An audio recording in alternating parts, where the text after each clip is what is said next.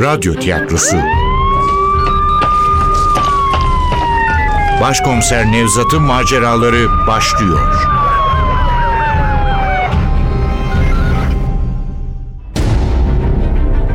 İstanbul Hatırası. Eser Ahmet Ümit. Radyoyu uyarlayan Safiye Kılıç. Seslendirenler Başkomiser Nevzat Nuri Gökaşan Ali Umut Tabak Zeynep Burcu Başaran Şefik Bora Sivri. Pehlivan Can Başak. Ramiz Özgür Uğraş Özaslan. Efektör Ufuk Tangel. Ses Teknisini Hamdullah Süren. Yönetmen Aziz Acar.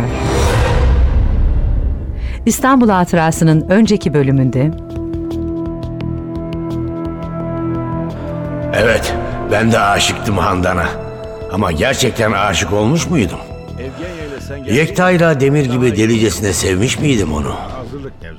Bu soruya evet demek o kadar kolay değildi. Dördümüz birlikteyken kimse çıkıp Handan ben sana aşığım diyemedi. Arkadaşlık aşktan önde geliyordu.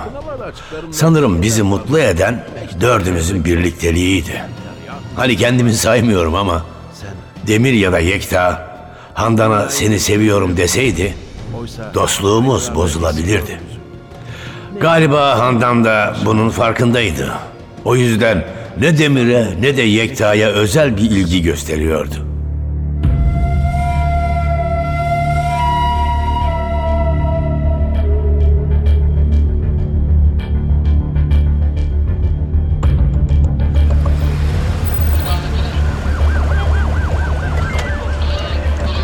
Altın kapının önünde yatıyordu ceset.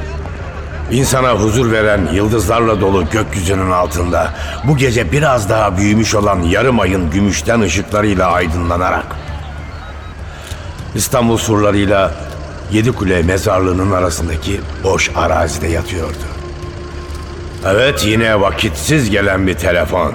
Evet yine bir cinayet. Evet yine bir gece yarısı. Yine tarihi bir mekan. Yine cesedin avuçlarında bir sikke. Evgenya'yı evine bırakıp kollarında sızmaktan korktuğum için tüm ısrarlarına rağmen yanında kalmayarak fakirhaneme dönmüştüm ki çalmaya başladı telefonum. Arayan Zeynep'ti.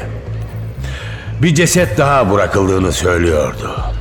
Evet aynı katillerin işiydi. Ama beklediğimiz gibi Fatih Camii'nin ya da Topkapı Sarayı'nın önüne değil, Altın Kapı'nın girişine bırakılmıştı. Daha önce Altın Kapı'nın adını bile duymamıştım. Benim için burası Yedi Kule'ydi. Yedi Kule zindanları. Yedi Kule Hisarı. Yedi Kule Müzesi. Adına ne dersek diyelim kanlı bir tarihe tanıklık etmiş görkemli kuleler demeti. Altın Kapı bu kuleye açılan bir geçitmiş. Daha doğrusu kentin kapısıymış. Üç girişli bir tür zafer takı. Yedi kuleden çok daha eskiymiş kapı. Roma zamanında yapılmış. Zafer kazanan imparatorlar bu kapıdan girerlermiş kente. Şehrin en görkemli, en güzel, en şaşalı kapısıymış. Altın adı da buradan geliyor olsa gerek. Ben cesedin Fatih Sultan Mehmet'le ilgili bir mekana bırakılmamasının hayal kırıklığını yaşarken Zeynep cesedin avucunda bulduğu sikkeden de bahsetti. Theodosius yazıyormuş anlayabildiği kadarıyla. Theodosius. Yani bir Roma imparatoru daha. Kötü haberdi. Biz Fatih Sultan Mehmet'e geldiğimizi sanırken demek hala Roma döneminden çıkamamıştık. Şu Theodosius'tan Fatih'e kadar kim bilir kaç hükümdar yaşamıştı bu kentte. Eğer katiller her hükümdar için bir kişiyi öldürmeyi planlıyorlarsa küçük çaplı bir katliam bizi bekliyor demekti. Buna nasıl engel olacaktık? Altın kapının önünde yatan kel kafalı, tombul, kısa boylu adama bakarken aynı soru kemirip duruyordu beynimi.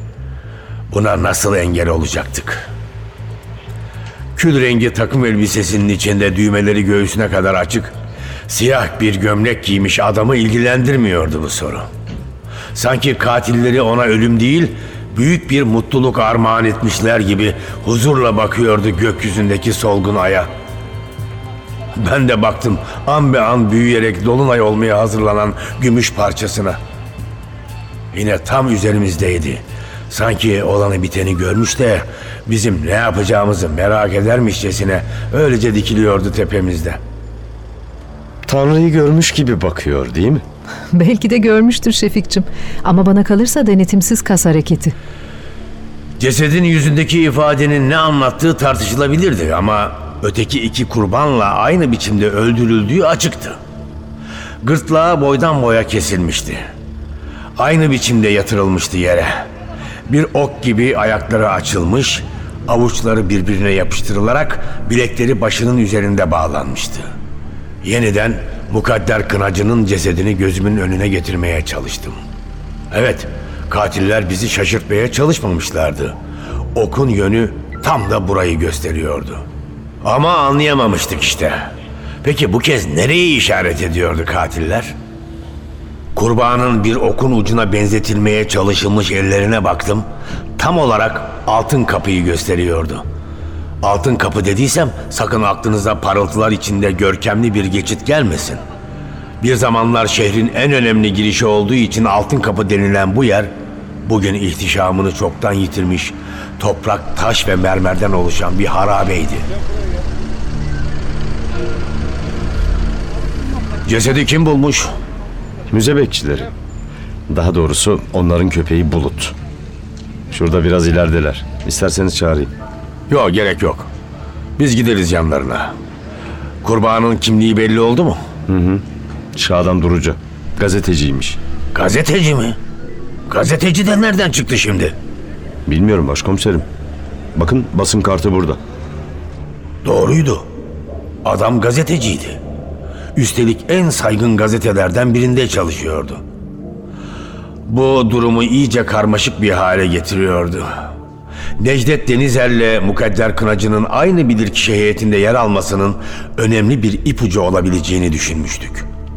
Böylece en azından kurban adaylarını saptayıp katillerden önce davranma şansını yakalayabilirdik. Ama üçüncü kurban bir gazeteci çıkınca artık sit alanları ile ilgili bilirkişi heyetinde yer alanları araştırmamızın pek bir anlamı kalmamıştı. Gazeteciler sit alanları ile ilgili bilirkişi heyetlerinde yer almazlar değil mi başkomiserim? Sanmıyorum ama bilirkişi olmasa bile Şadan Durucan'ın sit alanları ile ilgisi olduğundan eminim. Özellikle de Necdet'le Mukadder'in bilirkişi olarak rapor hazırlamakla yükümlü olduğu Sultanahmet semtiyle.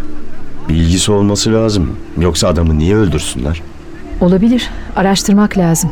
Eğer öyleyse buluruz. Ali nerede? E, Gelmek üzeredir başkomiserim yolda. E, iyi. Hadi gidip şu bekçilerle konuşalım. Akşam evlere gidip dinlendiniz değil mi? E, evlere... e, Evet evlere gittik. İyi uyudun mu bari? Uyudum başkomiserim. Telefonum çalmaya başlayıp gözlerimi açtığımda kendimi iyice dinlenmiş hissediyordum. Umarım Ali de dinlenmiştir. Hiç sesini çıkarmadı Zeynep. Suçlu bir çocuk gibi adımlarıma ayak uydurmaya çalıştı sadece. Aralık kapıdan süzülüp yaşlı bir kemerin altından geçerek aşılmaz surlarla kaplı genişçe bir alana ulaştık. Meydana çıkar çıkmaz gözlerim kamaştı. Her taraf ışık içindeydi. Yazları burada konserler düzenlendiğini biliyorum. Elektriği bizimkiler açtırmış olmalıydı. İlk lise yıllarında duymuştum buranın adını. Osmanlı İmparatorluğu döneminde yabancı elçilerin, önemli kişilerin atıldığı bir zindan.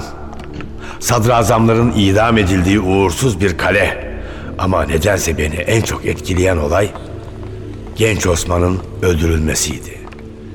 İsyan eden Yeniçeriler, padişahları genç Osman'ı bu kulede önce boğmuş, sonra da başını kesmişlerdi. Bütün bunlardan dolayı Yedi Kule adı hiç iyi duygular uyandırmazdı bende.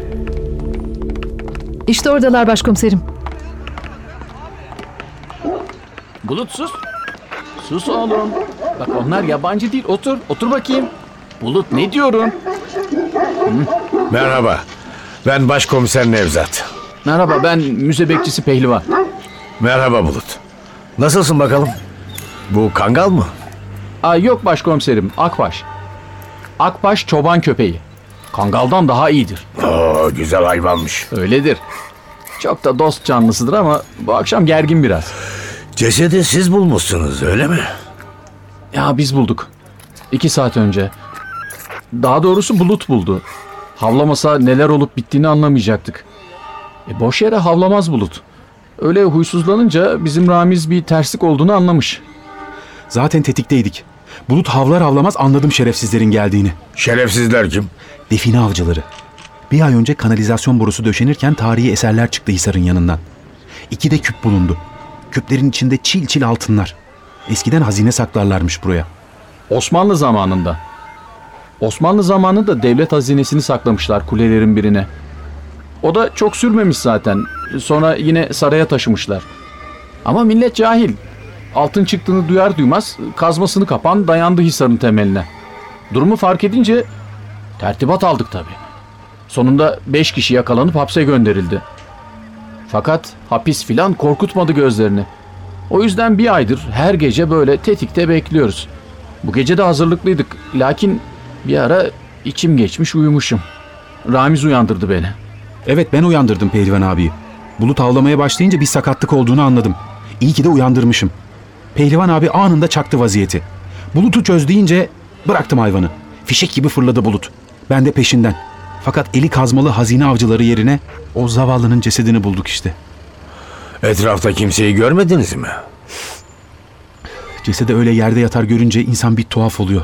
Allah rahmet eylesin. Gözlerinde ah böyle açmış. Tüylerim diken diken oldu valla. Nasıl derler böyle bir korku kapladı içimi. At şu sigarayı ağzından. Başkomiserimin karşısında sigara içmeye utanmıyor musun?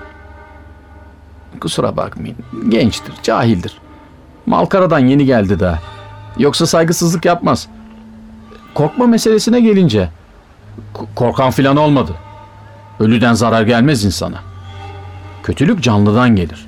Cesedi görünce biraz şaşırdık tabii. Çünkü biz define avcılarını beklerken Mevta ile karşılaştık. Hazırlıklı değiliz yani.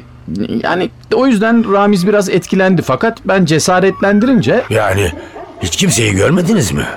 Bir minibüs, beyaz bir minibüs vardı. Nerede? Şurada bir hendek uzanır. Altın kapının hemen önünde. Musa dayının bostanı vardır orada.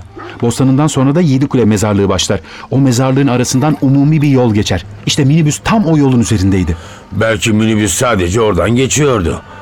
Sen söyledin yolmuş orası. Umumi yolda başkomiserim. Araba orada duruyordu.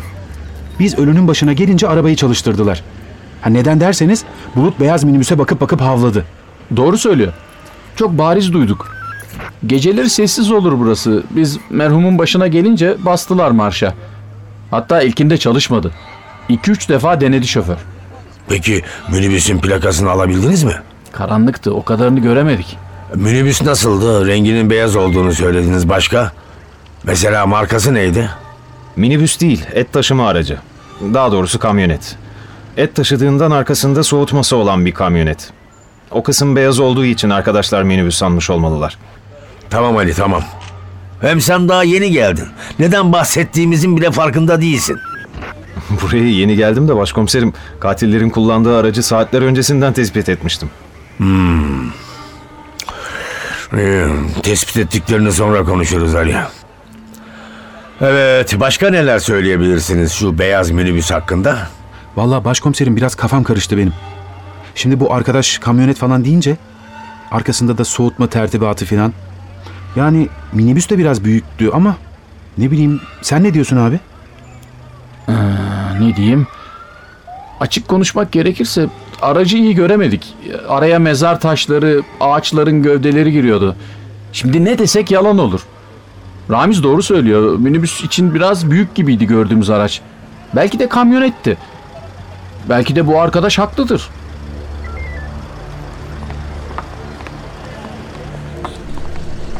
Ali'nin haklı olup olmadığı belli değildi ama ilginç bilgilere ulaşıldığı kesindi. Müze bekçilerini, köpekleri, bulutla surlara çıkan merdivenin dibinde bırakıp yeniden altın kapıya ilerlerken anlattı.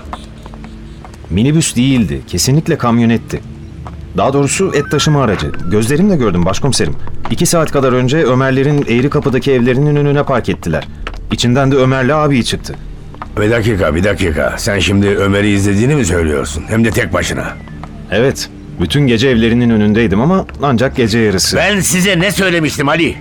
Akşam üzere emniyetten ayrılmadan önce Ne söylemiştiniz başkomiserim? eve gidip dinlenmenizi söylemiştim. Öyle değil mi Zeynep? Tamam da başkomiserim gelişmeler oldu. Hangi gelişmeler? Bu soruşturmanın başındaki amir benim. Gelişmelerden falan haberim yok. Oysa gece boyunca cep telefonum açıktı. Kimse beni arayıp şu olaylar oldu şimdi şunları yapıyoruz demedi. Yoksa aradığınızda ben mi fark etmedim? Dinlerseniz arz edeceğim başkomiserim. Dinleyeceğim dinleyeceğim Ali. Ama bu yaptığın disiplinsizliği yani yaptığınız disiplinsizliği telafi etmeyecek. Ömer'in evine gittim diyorsun. Ya orada başına bir iş gelseydi? Bana bir şey olmaz başkomiserim. Nasıl bir şey olmaz? Sen insanüstü bir varlık mısın? Adamların katil olduğunu söyleyen sensin. Eğer dediğin gibi ise karşımızda üç kişiyi kıtır kıtır doğrayan insanlar var demektir. Söylesene Ali, sana nasıl bir şey olmaz? Ya sen Zeynep, nasıl uydun bu deli bozuğun aklına? Hadi beni adam yerine koymuyorsunuz onu anladık. Ya Ali'ye bir şey olsaydı hiç mi vicdan azabı çekmeyecektin? Yoksa sen de mi Ali'nin yanındaydın? Birlikte mi gittiniz Ömer'in evinin önüne? Ş- şey gi- gitmek istedim ama Demek istedin ama Ali izin vermedi. Öyle değil mi? Niye? Çünkü tehlikeli. Peki Ali, sen nasıl tek başına gidiyorsun? Aferin vallahi çocuklar.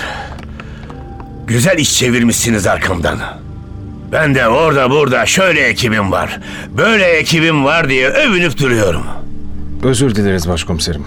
Haklısınız haber vermeliydik ama olaylar o kadar ani gelişti ki... Üstelik siz de yorgun görünüyordunuz. Rahatsız etmek istemedik. Tabii tabii. Bırakalım ihtiyar adam uyusun. Yok estağfurullah başkomiserim ne ihtiyarı. Bir sonuca ulaşmadan kafanızı karıştırmayalım dedik. Ah Ali. Ah oğlum anlamıyorsun. O sonuç senin ölümün olabilirdi. Bakın sizi uyarıyorum. Bundan sonra ne yaparsanız haberim olacak. Benden izinsiz nefes bile almayacaksınız. Tamam mı çocuklar? Anladınız mı? Anladık, anladık başkomiserim. başkomiserim. Bir daha olmayacak. Olmasın ya. Bir daha olmasın. Hadi gidelim.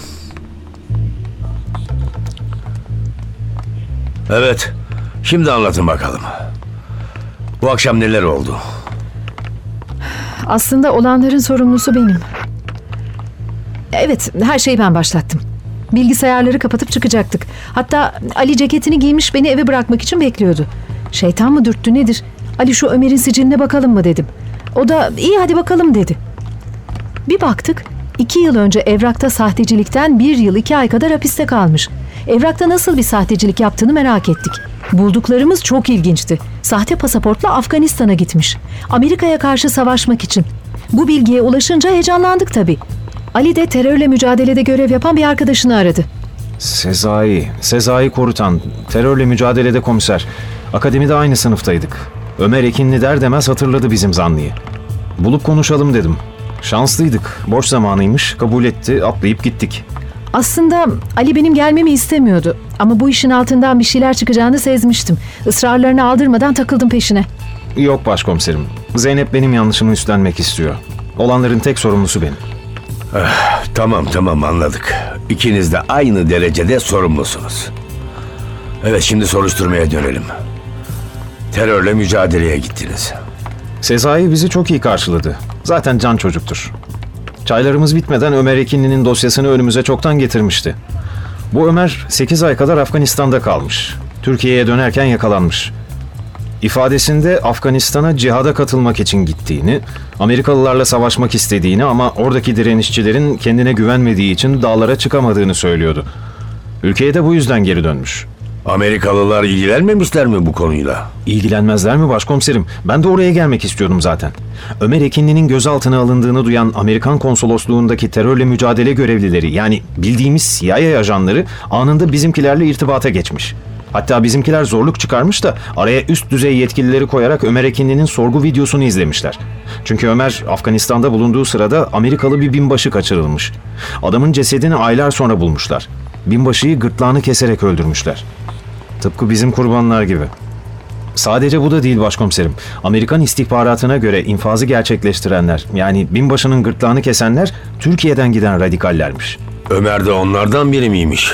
Amerikalılar öyle olduğuna inanıyorlarmış. Hatta Ömer'in kendilerine verilmesini bile talep edecek olmuşlar. Ama bizimkiler ellerinde yeterli kanıt olmadığı için bu talebi geri çevirmişler. Zaten Ömer de terör suçundan değil, resmi evrakta sahtecilikten yargılanmış. Toplam 20 ay ceza almış, hakim indiriminin ardından bir yıl iki ay yatıp çıkmış. E, Sezai'nin kanaatine Ömer'in söylediklerine inanıyor mu? İnanmıyor başkomiserim. Ömer'in yalan söylediğini düşünüyor. Zaten o yüzden soruşturmayı iyice derinleştirdik. Ömer'in ailesini inceledik. İyi ki de incelemişiz. Bu sayede ulaştık müze bekçilerinin tarif ettiği şu et taşıma aracına. Meğer o aracı daha önce görmüşüz. Görmüş müyüz? Yani ben de mi gördüm? Siz de. Nerede gördüm? Mukadder Kınacı'nın evinin altındaki kasabın önünde. Ömerlerin kasap dükkanı.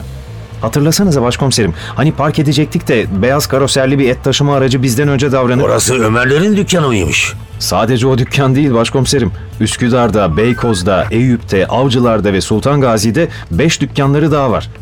Babası Abdullah memleketten geldiğinde bağlı bulunduğu tarikat yürü ya Abdullah deyince Abdullah beş oğlunu da yanına alıp yürümüş. Beş dükkan böyle açılmış. Her oğluna bir dükkan vermiş. Yani Ömer de kasaplık mı yapıyormuş? Evet ama okuldan arta kalan zamanlarda. Çocukların en küçüğüymüş Ömer. En zekisi. Bir tek o üniversiteye gidebilmiş. Lise yıllarından beri de tatillerde babasının yanında çalışırmış. Mukadder Kınacı'nın evinin altındaki dükkanda. Efsun'la da öyle tanışmışlar zaten. Ömer'in ince uzun bedeni geldi gözlerimin önüne ve bakışlarındaki meydan okuyan ifade. Zeynep'in söylediklerini hatırladım. Katil kurbanlarını adeta boğazlamış. Boyunda o kesikleri yapabilmek için daha güçlü bir kesici kullanması gerekir. Katilin bütün eliyle kavrayabileceği bir kesici. Daha doğrusu keskin bir bıçak. Bütün bu bilgilere bir de kuşkulu Afganistan seyahatini ekleyince Ömer aradığımız suçlu profiline uyan bir zanlı olup çıkıyordu. Hem tıpla ilgiliydi hem de kasap. Üstelik aynı bu olaydaki kurbanların öldürüldüğü tarzda bir infaza karıştığından da kuşkulanılıyordu. Fakat sorun şuydu ki Ömer'in bu cinayetleri işlemesi için ortalıkta hala geçerli bir neden yoktu. Evet kayınpederi olacak adamla aralarında sorun vardı. Üstelik Efsun da babasından hiç hoşlanmıyordu ama sadece bu nedenle Mukadder Kınacı'yı öldürmeleri pek mantıklı değildi. Ya öteki iki kurban? Arkeolog Necdet Denizel'le gazeteci Şadan Duruca. Onları neden öldürsün? Üstelik o törenlere, kurbanları tarihi yerlere bırakmalara, sikkelere ne gerek vardı? Ali'nin kafasında bu soruların hiçbiri yoktu tabii. Katili bulduğundan emin olarak kararlılıkla sürdürüyordu sözlerini. Hepsinden önemlisi de başkomiserim ailenin Tekirdağ'da entegre et tesislerinin olması. Yani adamlar sadece kendileri kasaplık yapmıyorlar. Aynı zamanda meslektaşlarına da et dağıtıyorlarmış. Et taşıma aracı da o işe yarıyormuş zaten. Ama o kamyonette sadece kesilmiş hayvanların bedenlerini değil, aynı zamanda kurbanlarının cesetlerini de taşıyorlar. Hem de dün gece Çemberli Taş'ta karşılaştığımız o iki berduşun söylediği yöntemle. Yani iki tekerlekli bir el arabasıyla. Bunu nereden biliyorsun? Gözlerimle gördüm. Evet gözlerimle gördüm. Ömer'in Eğri Kapı'daki evinin önünde. Sezai'den ev adresini de almıştım. Zeynep'i bıraktıktan sonra doğru Ömerlerin Eğri Kapı'daki apartmanına gittim. Arabamı sakin bir yere çekip beklemeye başladım. Bir ara sızmışım. Çarpan bir kapının sesine uyandım. Baktım ki sabah karşılaştığımız et taşıma aracı. Dikkat kesildim. İçinden Ömer'le bugün gördüğümüz sarıklı şalvarlı bir adam indi. Aracın arka kapısını açtılar. içinden el arabasını çıkarıp evlerine götürdüler. Hem de iki saat kadar önce Pehlivan'la Ramiz de cesedi iki saat kadar önce bulmuşlardı. Yedi Kule'den Eğri Kapı'ya gitmek gecenin bu sakin trafiğinde en fazla 10-15 dakika sürerdi. Yani eğer müze bekçilerinin gördüğü araçla Ali'nin izlediği araç aynıysa zamanda tutuyor demekti. Buna kasap bıçağını maharetle kullanmayı, yani bir adamın gırtlağını ustalıkla kesebilmek yeteneğini bir et taşıma kamyonetine sahip olmayı ve bir el arabası bulundurmayı da eklersek, Ömer zanlılar listesinin ilk sırasında yer almayı hak ediyordu. Ama bütün bu bulgulara rağmen Ömer'in cinayetleri işlemek için hala geçerli bir nedeni olmadığını düşündüğümden karar vermekte zorlanıyordum. Elimizde bu kadar bulgu varken harekete geçmemek vahim bir hata olurdu bir yandan. Hem de Zeynep'le Ali'ninkinden daha vahim bir hata.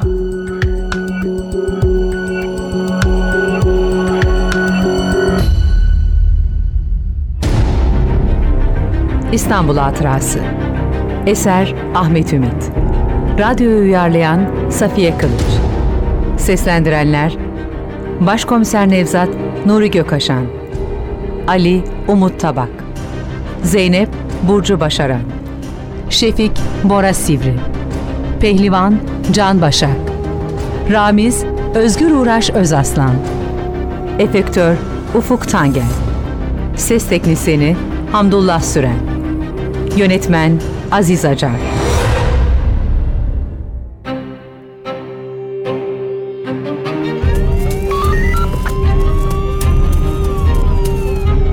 Radyo tiyatrosu. Başkomiser Nevzat'ın maceraları